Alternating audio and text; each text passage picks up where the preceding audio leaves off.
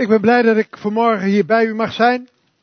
Allereerst wil ik uh, de groeten doen van mijn vrouw aan allen die bekend zijn met de situatie. In het bijzonder even te zeggen dat wij het natuurlijk erg jammer vinden dat ze het niet mee kan. Haar uh, leven is uh, natuurlijk wat veranderd na herseninfarct. Maar het gaat, gaat heel goed. We hebben de eeuwige jeugd, dus wat willen we dan nog meer? Dan ga je op de stoel staan. Ik weet niet of het in de hemel ook zo is, dat je op de stoel mag staan. Maar uh, we zijn in ieder geval hier bij elkaar als kinderen van God. En we mogen met elkaar dat woord van de Heer openen. En uh, God heeft mij een woord in het hart gegeven wat ik ook graag aan u wil uh, doorgeven vanmorgen. Een, in eerste instantie, laat me even het plaatje zien, eerst plaatje.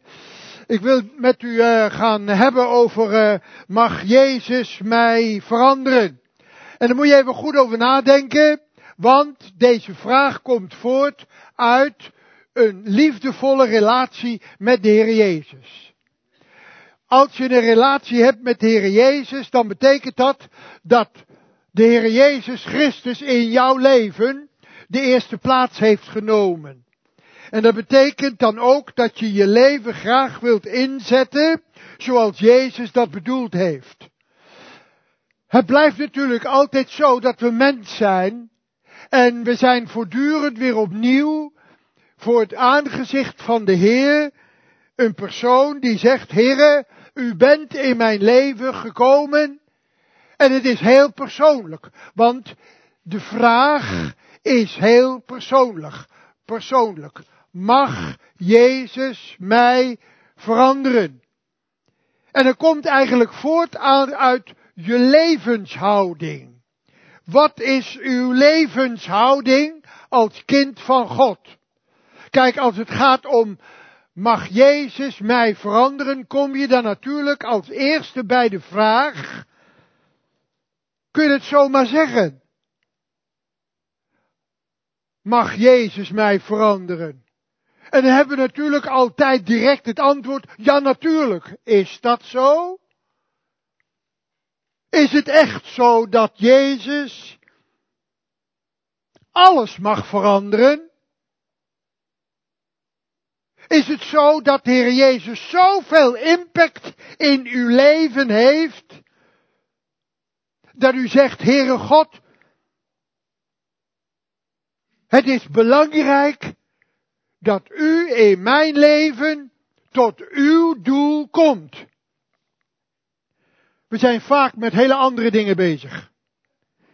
Als je in een nieuwe buurt komt, wonen en je hebt een paar vervelende buren en je bent dan een christen, weet je wat je dan gaat doen? Dan ga je bidden voor de buren, dat de buren mogen veranderen. Want het is helemaal niet leuk als je nare buren hebt. Dus je bidt voor die buren, dat kan toch geen kwaad? Het kan toch geen kwaad dat je voor de buren bidt, Heere God, wilt u mijn buurman die zo lastig is, Heere, wilt u hem aanspreken op uw eigen soevereine manier? Daar heb ik er geen last meer van.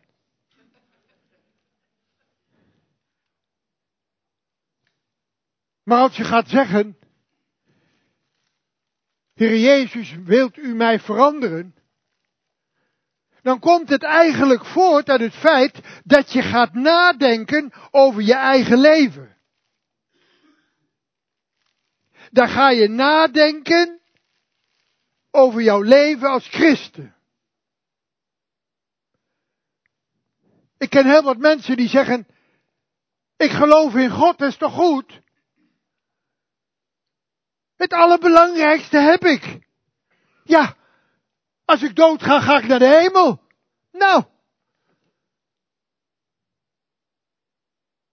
Wat moet er dan veranderen in mijn leven? Wat doe ik dan niet goed? Er staat in de Bijbel, als je de Heer Jezus Christus kent, als je een kind van God bent, ben je in Hem volmaakt. Nou, dan ben je toch? Waar maken we ons zo druk om? De anderen moeten veranderen. Ik niet. Werkt dat zo? Nee, lieve mensen, zo werkt dat niet. Als we een conflict hebben met elkaar, dan bidden we dat het opgelost moet worden. Maar we gaan niet eerst over onszelf, voor onszelf bidden. Heren, is mijn houding wel goed? Nee, dan gaan we bidden dat God die ander verandert. Ik heb in mijn leven rare dingen meegemaakt.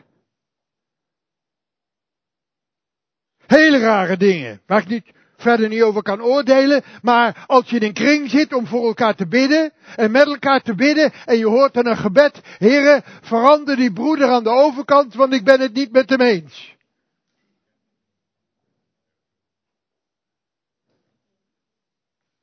Nou, dan heb ik de neiging om mijn ogen open te doen en te zeggen, ga eerst eens naar huis over de dingen nadenken.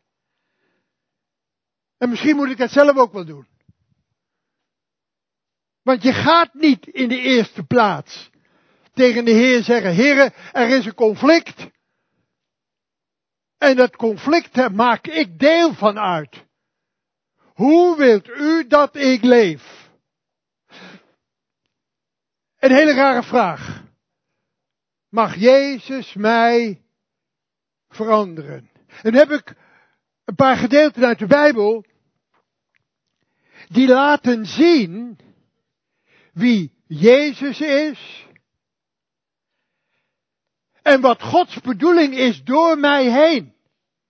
Wat wil God nu eigenlijk? Wat wil de Heer Jezus in mijn leven? En het kan heel persoonlijk zijn, maar ook gezamenlijk. Zoals wij hier zitten als kind van God, hebben we in ons leven hetzelfde doel van God ontvangen. En wat is dan dat doel? Nou, daar gaat het over. Ik wil graag met u lezen. Ik lees iets meer dan u misschien gewend bent, dat weet ik niet. Over het algemeen lees ik niet van die hele lange gedeelten uit de Bijbel, want dan komt er zoveel aan de orde. Maar vanmorgen moet ik toch een paar wat lange gedeelten lezen. Ik ga met u nu lezen uit Romeinen hoofdstuk 6. En dan doe ik de eerste 14 versen. Voorlopig.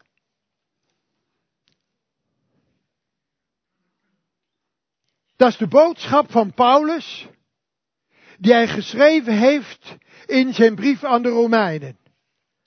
We lezen over de basis van de heilsboodschap aan de heidenen. En in het vijfde hoofdstuk heeft hij het erover gehad dat de genade van God gekomen is in deze wereld. En door de genade van God mogen wij zijn kind worden. De Heer Jezus is voor ons aan het kruis gestorven. En de Heer Jezus Christus heeft al onze zonden weggedragen.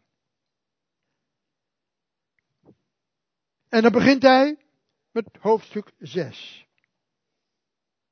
Betekent dit nu dat wij moeten blijven zondigen om de genade te laten toenemen? Want hij heeft gezegd, hoe groter de zonde, hoe meer de genade. Nee, zegt hij in vers 2, dat in geen geval. Hoe zouden wij, die dood zijn voor de zonde, nog in de zonde kunnen leven?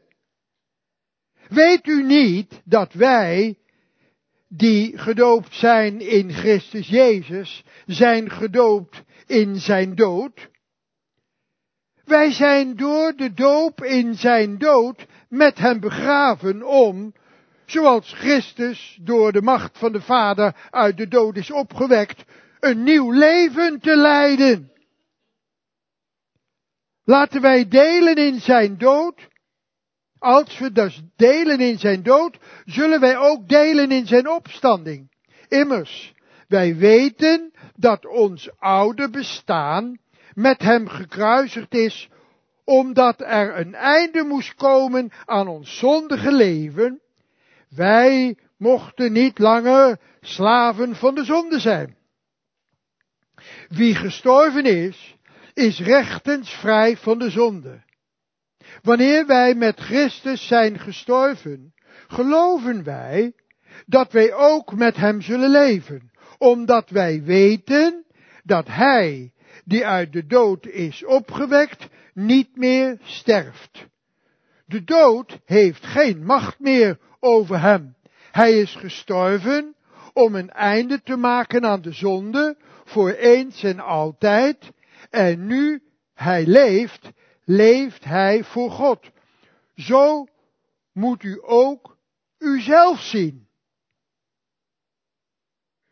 Dood voor de zonde, maar in Christus Jezus levend voor God.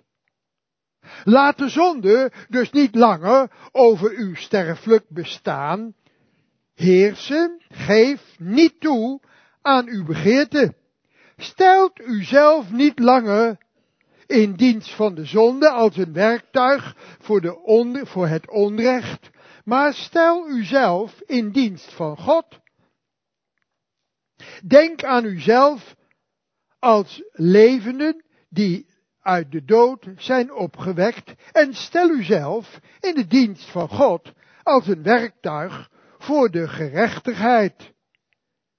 De zonde mag niet langer over u heersen, want u staat niet onder de wet, maar u leeft onder de genade.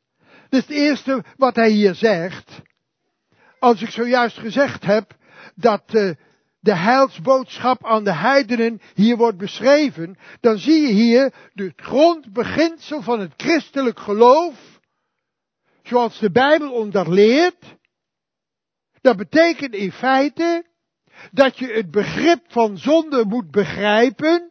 De zonde, de tegenstand van God, de dood in jouw leven. Zonde heeft tot gevolg de dood in jouw leven. Als je dan de Heer Jezus Christus leert kennen, dan mag je weten dat de Heer Jezus Christus die dood in jouw leven heeft overwonnen door zelf de dood in te gaan. En hij is levend geworden, hij is gerechtvaardigd, onze zonde weggedragen voor God, zo mogen wij leven. Dan ga je al ontdekken, die Jezus is meer dan een man die geleefd heeft. Is meer dan, ja, hij stierf van het kruis. Wat betekent dat voor mij? Wat betekent dat eigenlijk? Dat betekent dat ik mij opnieuw geboren mag laten weten door de Heere Jezus Christus. En dan wordt hier gesteld dat die zonde niet langer mag heersen in ons leven als een werktuig van onrecht. De zonde is niet een vaag begrip. De dood is niet een vaag begrip. Het wordt zichtbaar in je leven. Het wordt zichtbaar in je leven uit wie je leeft. Leef je voor God? Of leef je voor jezelf? Een christen die het gaat begrijpen dat je met de Heer Jezus gestorven bent, die zegt natuurlijk niet, ik leef niet voor mijzelf. Ik leef voor God. En dan zegt Paulus, dan mag dat ook door jou heen zichtbaar gaan worden. Het geweldige is dat al die jaren dat u hier bij elkaar mag komen, al zoveel jaren, waar ik in het begin bij mocht zijn, dat er heel wat mensen het evangelie hebben gehoord en al heel wat doopdiensten hier zijn geweest van mensen die gezegd hebben, Heer Jezus, hier is mijn leven. Ik wil met u de dood ingaan en ik mag met u opstaan in nieuw leven. En dat is al heel veel jaren hier in Appelgedam verkondigd. En Gods genade is zo groot dat al heel veel mensen die Jezus hebben leren kennen. En dat is mooi. Fantastisch. Maar wat leer je dan? Volgende plaatje even. Oh, dat is deze, ja. Staat er al. Als Jezus nu mijn leven is, als Gods leven nu mijn leven geworden is, dan ben ik het niet meer. Maar dan is het Jezus waar het om gaat. Dan word je zo gezegd een Jezusmens. Dan praat je over Jezus, dan getuig je van Jezus, dan zing je van Jezus. En dan worden mensen in de wereld soms ziek van je. Ook mensen die wel geloven in God hoor.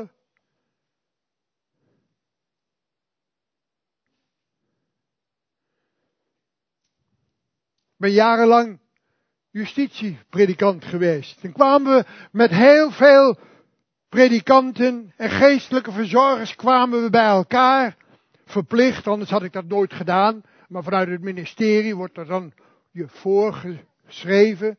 En dan zit je daar met elkaar, 45, 50 mensen, en je leert ze wat kennen. En dan zie je dat er allerlei mensen zijn. En ik ga niet over mensen oordelen, maar dan krijg je soms het gevoel, jij hebt een baantje om geld te verdienen. Hoe zit het nou? En heb je mensen, een collega die dat tegen je zegt, Gerrit, je bent wel een leuke kerel, je bent heel vriendelijk, maar je moet wat minder over Jezus praten. Oh. Of dan kom je een keer bij elkaar het jaar erop. Hoe zit dat nou, Gerrit, met je? Heb je nog dat kinderlijke zondagschoolgeloof? Ja, joh. Ja.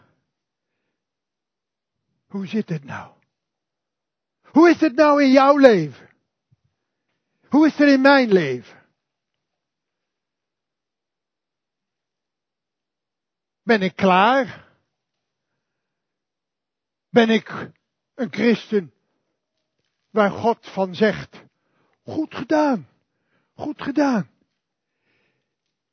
Ik heb niks meer te veranderen in jouw leven. Denk je dat je zo ver komt? Nou, zolang wij in dit leven zijn, zolang ik nog in dit vlees leef en jij in jouw vlees, zal God voortdurend in ons leven dingen moeten veranderen. Hoe kom je erachter? Door de Bijbel. Door de Bijbel te lezen. Hoe zit het nou? Als ik dat zojuist dan gelezen heb. Wij weten, wij zijn ervan doordrongen, dat niet ik meer leef, maar Christus leeft in mij. Waar komen de ruzies vandaan onder de christenen? Hoe zit dat? Als je getrouwd bent en je hebt samen geknield voor de Heer Jezus, je hebt een inzegening, een huwelijksinzegening gehad, geen problemen meer. Gaat allemaal goed. Onder de christenen vind je ook geen echtscheiding. Hè? Kunt wij merken dat die man oud geworden is, want hij weet niet of de realiteit is. Nou, droom het goed. Hoe zit het dan? Niet meer ik, maar Christus leeft in mij. Stel uw dienst in dienst van God.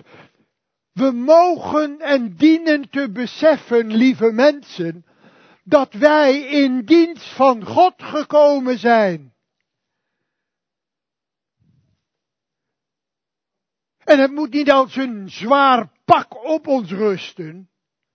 Van wat is het moeilijk, wat is mijn leven moeilijk geworden, want nu ben ik een werktuig in de hand van God geworden. Nee man, Juist het tegenovergestelde. Nu leef je werkelijk. Nu mag je iets van God laten zien In jouw omgeving, in jouw situatie, in jouw huwelijk, waar het misschien moeilijk is, mag je iets van Jezus laten zien. En dat betekent dat je bereid bent om de onderste weg te gaan. Maar het gaat niet meer om mij. Het gaat om de Heer Jezus. Het gaat erom dat ik als werktuig iets laat zien van de gerechtigheid van God. Ja, dat is zo mooi. Als je dat dan ziet, dan ontdek je dat het niet buiten onze wil omgaat. God werkt nooit buiten onze wil om. Altijd is het dat de Heer Jezus Christus zegt, als je vermoeid en belast bent, kom dan. Je hoeft niet te komen.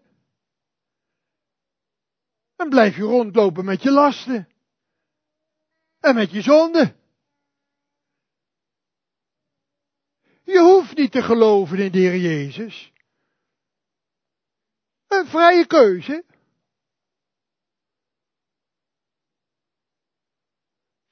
Als we in Hem geloven, ontvangen we eeuwig leven. Als we ervoor kiezen om niet te geloven, heb je geen eeuwig leven. Afgelopen week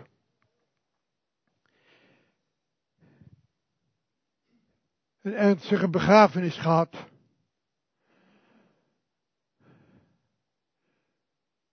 Van een jongen die alles wist van het evangelie.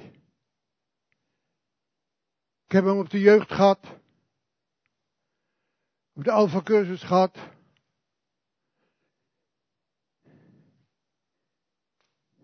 Zijn huwelijk was vastgelopen. Zeven keer geprobeerd. Zeven keer. Nu met dezelfde vrouw, met een andere vrouw.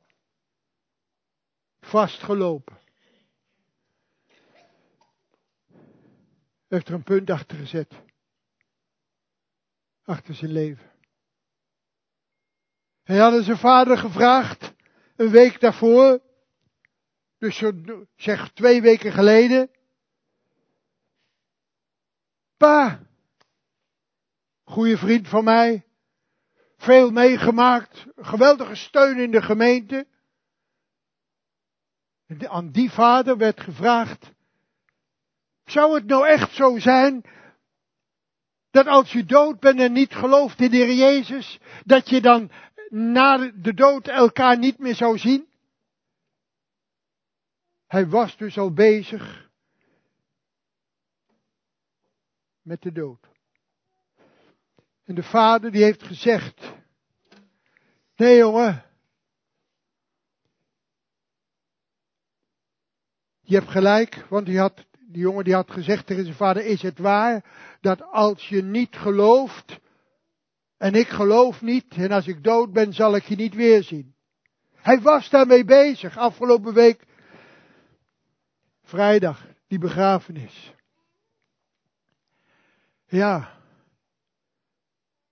als je gelooft in de Jezus Christus en leeft uit de Jezus en weet dat je een kind van God bent, dan heb je eeuwig leven. Maar het is een vrije keus. Want hij had tegen zijn broer gezegd, tegen een van zijn broers, een paar dagen voordat hij die daad had gedaan. Jij gelooft, ik geloof niet. Een keuze. En als je gaat kiezen voor de Heer Jezus, dan zegt de Heer Jezus, nu ontvang je mijn leven in jouw leven. In mijn lichaam, in mijn geest, in mijn wil, in mijn verlangen is Jezus gekomen. Dus in mijn geest, in mijn denken, in mijn verlangen, in mijn uitzicht, in, daar waar, in dat waar ik mee bezig ben, daar leef ik uit Jezus. Dus eigenlijk niet zo gek zo'n vraag. Mag Jezus mij veranderen? Ja, Heer, U mag mij veranderen. Hoe ver gaat het dan? Hoe ver gaat het dan om het af te leggen van je eigen leven? Laten we eens lezen uit Colossense. Colossense.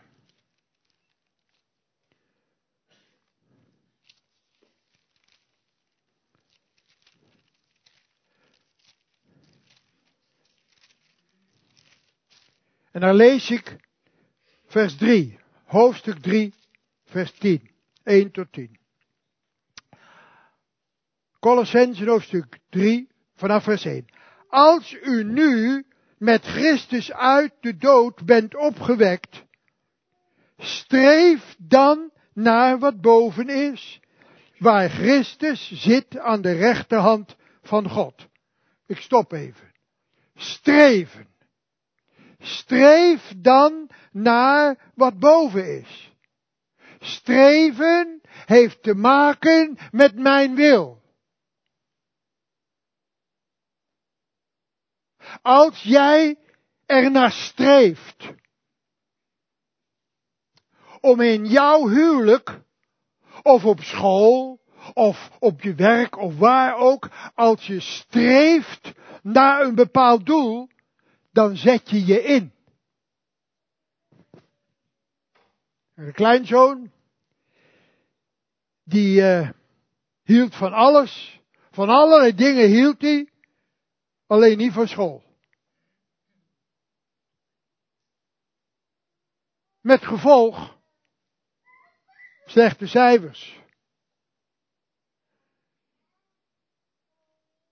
Tijdje terug kwam hij tot de ontdekking dat zo de wereld niet in elkaar zit.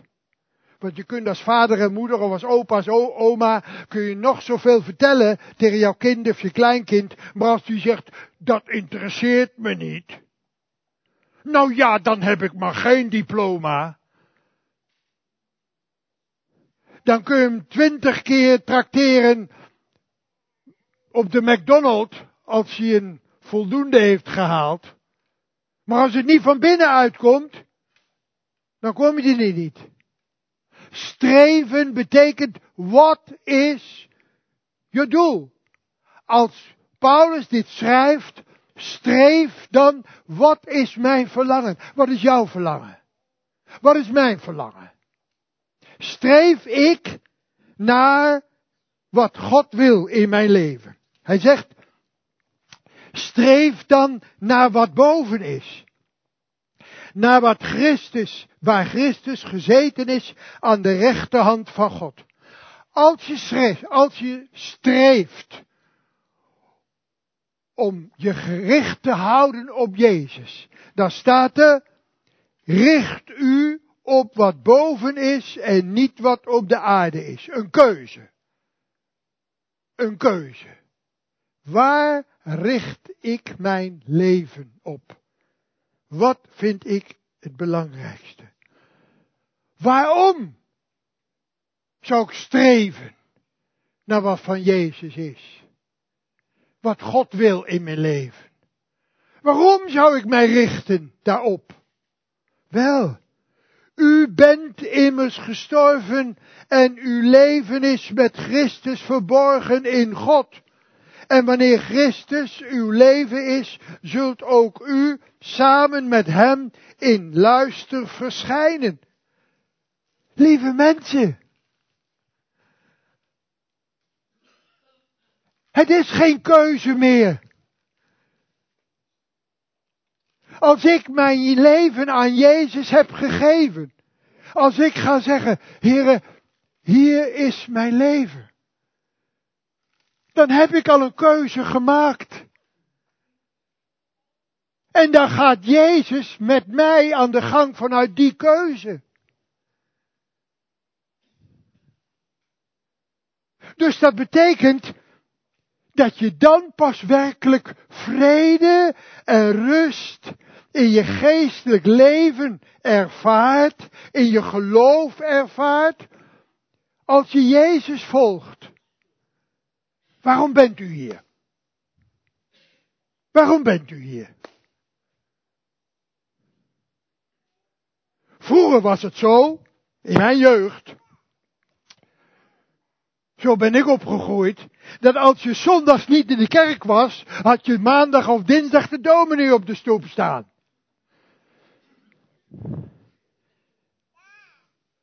En wat denk je wat hij zei?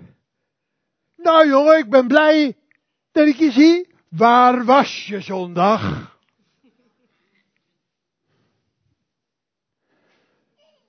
Ja, ik, ik, was, ik was van plan om, om, om buikpijn te krijgen.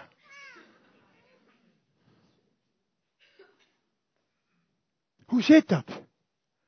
Ik heb mijn leven aan Jezus gegeven. Mijn leven is in Christus verborgen in God. Ik heb geen andere keus. Ik heb mijn leven aan Jezus gegeven.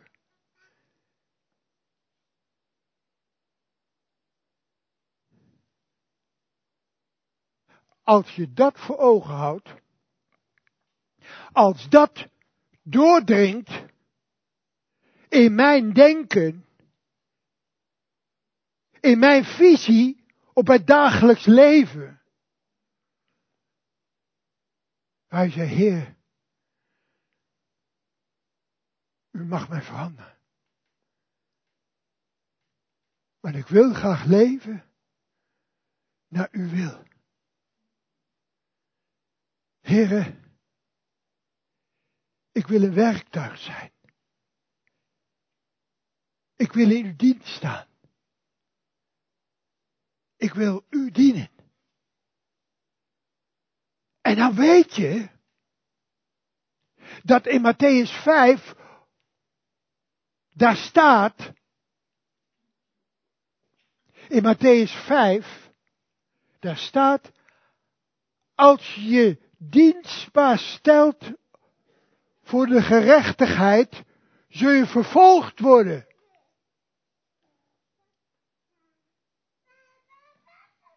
Dat betekent dat als je streeft om de wil van Jezus te doen, als dat jouw verlangen is, kan je botsing. Mensen die Jezus niet kennen, staan niet te juichen dat jij, dat ik mijn leven aan Jezus heb gegeven. En soms weten ze het dan van tevoren wie je bent. Toen wij gingen verhuizen vanuit Emmen naar Assen, toen kwamen we met de buren even in, in contact met, ze wilden eigenlijk helemaal geen contact met ons hebben. Dachten, wat, wat moeilijk. Hoe zit het nou? En dan kwamen we later achter, wat was er aan de hand? Ze hadden familie in Emmen. En er waren meerdere baptistengemeenten, ze zaten niet altijd in die gemeente, we hadden er vier nu, toen drie, nu zijn er vier, kwamen er, die kwamen niet altijd, de familie kwam bij mij soms in de kerk. En ze hadden gezegd, je krijgt nieuwe buren. Ja, ja, ja, ja. Oh, dat is die baptistendominee, Emme. Oeh, dat is een zware.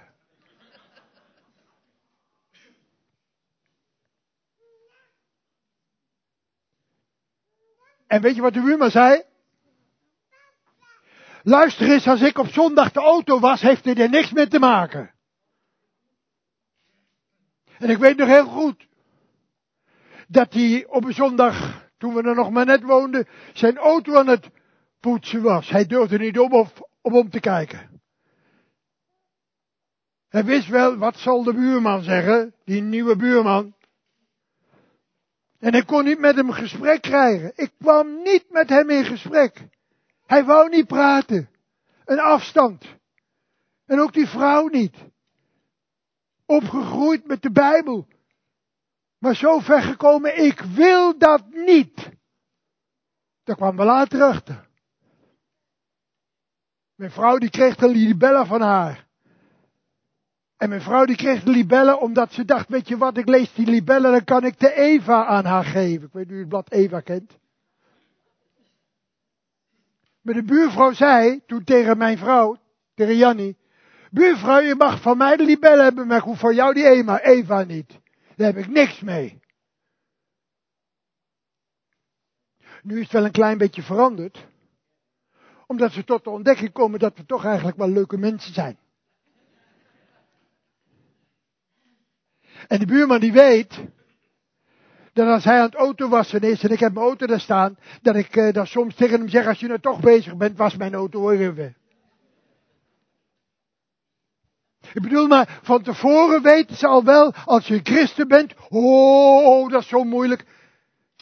Luister, als je in de dienst van Jezus staat, als jouw leven, als mijn leven, een werktuig is in de hand van God, dan krijg je tegenstand, maar je hebt iets te vertellen.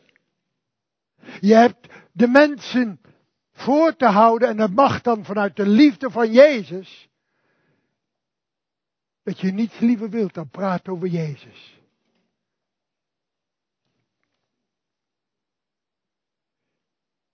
Ik ben altijd gewend geweest om contact te maken met mensen. In de gevangenis en daarbuiten. Maakt me, helemaal, maakt me allemaal niks uit. Ik ga bij mij in de buurt. Ga ik uh, af en toe langs de deur. En dan uh, heb ik wat bij me. Natuurlijk ook wel iets over het evangelie. Maar ik heb kaarsen en snoepjes en een chocoladeletter. Deel ik uit. Waarom doe ik dat nou? Wil ik aardig zijn? Ja, misschien wel. Maar ik wil graag laten zien dat ik anders in het leven sta. En dat is ons doel. Niet omdat je beter bent, maar omdat je een kind van God bent.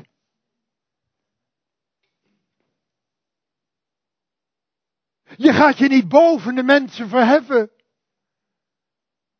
Je probeert heel dicht bij mensen te komen. Er wonen Syriërs, zijn Koerden, allerlei mensen wonen bij mij in de buurt. Er zijn heel veel mensen bij mij in de buurt die zeggen, jongen, wat die buurt die gaat achteruit. Ik ben blij dat die mensen komen wonen. Vriendelijke mensen. En ik ga bij hun aan de deur. Sommigen willen niets van me aannemen, maar een kaarsje, zo'n elektrisch dingetje, willen ze wel hebben. De kinderen die staan daarachter, ze heel nieuwsgierig. Die, die man met die witte haren, die staat aan de deur. En dan vraag ik over de schouders van de vader of de moeder, heb je wel zien aan de chocoladeletter? Ja, krijg je een chocoladeletter. Waarom doe je dat? om een schouderklopje te krijgen, omdat wij in de dienst zijn van de Heer. Wij zijn een werktuig van Gods gerechtigheid. En dat betekent dat wat recht is voor God, wat juist is in de ogen van God. Soms betekent dat dat ik de minste moet zijn. Dat ik het moet verdragen. Dat je vernederd wordt. Maar dat is inherent aan het dienen van Jezus. Zo te staan in dit leven. Daarom, prima. Je hebt het oude afgelegd, uitgedaan. En dan staat er in Colossense hoofdstuk 3, vers 12 tot 14. En het nieuwe mag je aandoen. Ja, ik ben een nieuw mens geworden. Durf je dat te zeggen? Durft u te zeggen, durft jij te zeggen, ik ben een nieuw mens geworden?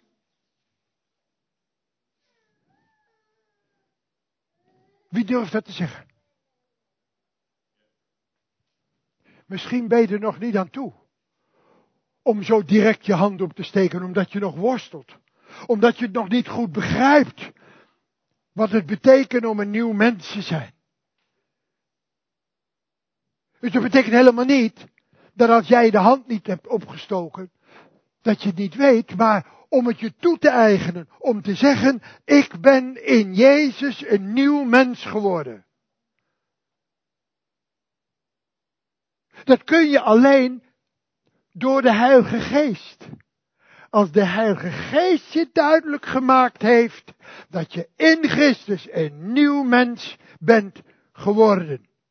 En dan gaat het er niet meer om wie je bent, hoe je leeft. Dat wil dus zeggen of het allemaal klopt in jouw leven. Een goede baan, een goed huis, geen problemen, niet te veel ziekte. Ben je dan pas een werktuig? Of kun je ook op een andere manier een werktuig zijn? Jazeker. We leven geen zonderloos leven. Maar het wordt zichtbaar voor onze medemens dat we anders in het leven staan. En dan ga je zeggen, even volgende plaatje. Dan ga je zeggen, omdat ik een werktuig ben van de gerechtigheid en voor de gerechtigheid, zeg ik, Heer Jezus, hier is mijn leven. Lees nu nog eventjes uit Colossense, oh, sorry, uit uh, Romeinen, hoofdstuk 6. Lees even een paar versen verder. Daar staat er. En dan, uh, nou, ik wil even verder lezen, vers 15 tot en met vers 20 wil ik lezen. Betekent dit nu dat wij vrij uit mogen zondigen omdat wij niet onder de wet staan, maar onder de genade leven? Absoluut niet. Wanneer u zich als slaaf in iemands dienst stelt, weet u toch dat u hem moet gehoorzamen. Daarom heb ik gezegd zojuist, ik heb vrijwillig tegen de Heer gezegd, Heere, neem mijn leven, hier ben ik. Wilt u in mijn leven komen? Ik wil een volgeling van u zijn. Dat betekent dat ik gehoorzaam wil zijn aan de meester die in mijn leven gekomen is.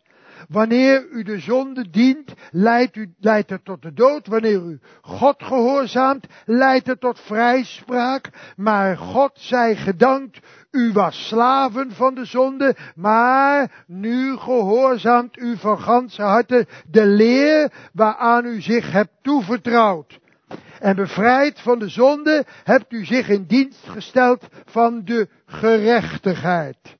Ja. En dat heb je dan gedaan, en het volgende plaatje. Dan ga je dat zeggen. Heer Jezus, neem mijn leven, laat het Heer toegewijd zijn aan uw eer. En dan wil ik twee mensen laten zien. Volgende plaatje. Deze. Wie kent deze dame? Deze dame, als meisje van 18 of 19 jaar, heeft zij een duik, een duik genomen in het water, heeft haar nek gebroken. Een dwarsleesje. Kan alleen maar haar mond gebruiken. Heb je haar wel eens horen spreken voor Family 7? Ze heeft een geweldige getuigenis. En zij mag mensen bemoedigen. Maar ze kan niks bewegen. Alleen maar haar mond. En ze mag al jarenlang medegelovigen bemoedigen met woorden die door haar heen zijn gegaan. Zij heeft het begrepen in haar leven dat wat mij overkomen is, wil Jezus, wil God gebruiken om mij te kneden in dienst van Hem. En daar getuigt ze ook van. Zij gaat dan ook zeggen heel duidelijk, dat wat mij overkomen is, dat gebruikt God om mij te kneden. Hij wil mij gebruiken door de pijn en de moeite en de strijd heen om anderen te bemoedigen. Dat is wat zij zegt. Dan heb ik nog een plaatje. Volgende. Wie kent deze? Nick. Nick. Zonder armen en benen. Man, dan ben je toch stokongelukkig. Dan ben je toch onbeschrijfelijk ongelukkig als je zonder armen en benen geboren bent. Nou, ik kan het u zeggen. U moet hem eens volgen op YouTube. Moet je gewoon even intypen. Man zonder armen en benen, kom je daaruit. En dan, en dan word je geleid naar die samenkomsten, die bijeenkomsten die hij heeft voor, voor studenten en vele andere mensen. En dan gaat hij vertellen wat er in zijn leven gebeurd is. En dat doet hij op een geweldige manier. Hij, zonder benen, zonder armen geboren, Misschien heeft de dokter wel tegen de moeder gezegd, laten we het maar weghalen. Want dat kind wordt stokongelukkig. Is deze man ongelukkig? Absoluut niet. Dit is geen ongelukkige man. Dat is een man die door God gebruikt wordt. Misschien heb je wel het gevoel, ja, ik ben nu wel een kind van God. En ik weet het allemaal wel, maar wie ben ik? Wat kan ik nu voor God betekenen?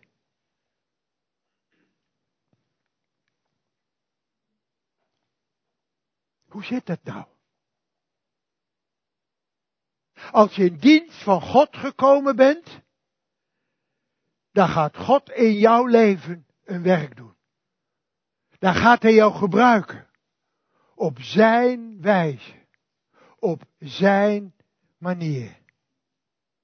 En als hij je roept en je bent gehoorzaam, dan gaat hij je veranderen. Toen een jongen van 17 jaar tot bekering kwam, en ik tot de ontdekking kwam dat ik mijn leven aan Jezus moest geven in de doop, toen ik 18 jaar was, kwam bij mij het verlangen toen ik 19 jaar was om eh, in de dienst van de Heer te gaan. Maar ja, als ik zenuwachtig was, dan stotterde ik. En ik was zo verlegen, ik durfde amper tegen de mensen wat te zeggen. En toen ik het erover had thuis, dat ik dat wel wilde gaan doen, theologie studeren, toen zeiden ze, dat is niks voor jou, jongen. Dat zul je niet kunnen. Daar heb je de opleiding niet voor.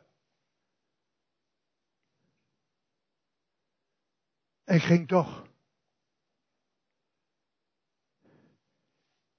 En ik stond er niet meer, dat begrijp je. En ik ben niet meer verlegen. Want zou ik niet langs de deur gaan.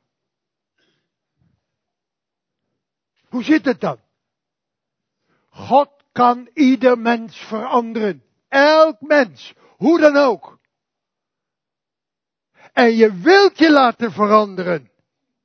Want je houdt van Jezus. Jezus heeft het beste voor in je leven. Hij wil jou en mij gebruiken in zijn dienst. Maar ik bepaal niet wat ik wel en wat ik niet kan. Dat doet de meeste. Hij weet precies hoe hij mij als werktuig moet gebruiken. Dus dat betekent, neem mijn leven. Laat het Heer toegewijd zijn aan uw eer. Nou, dat wil ik vanmorgen zeggen.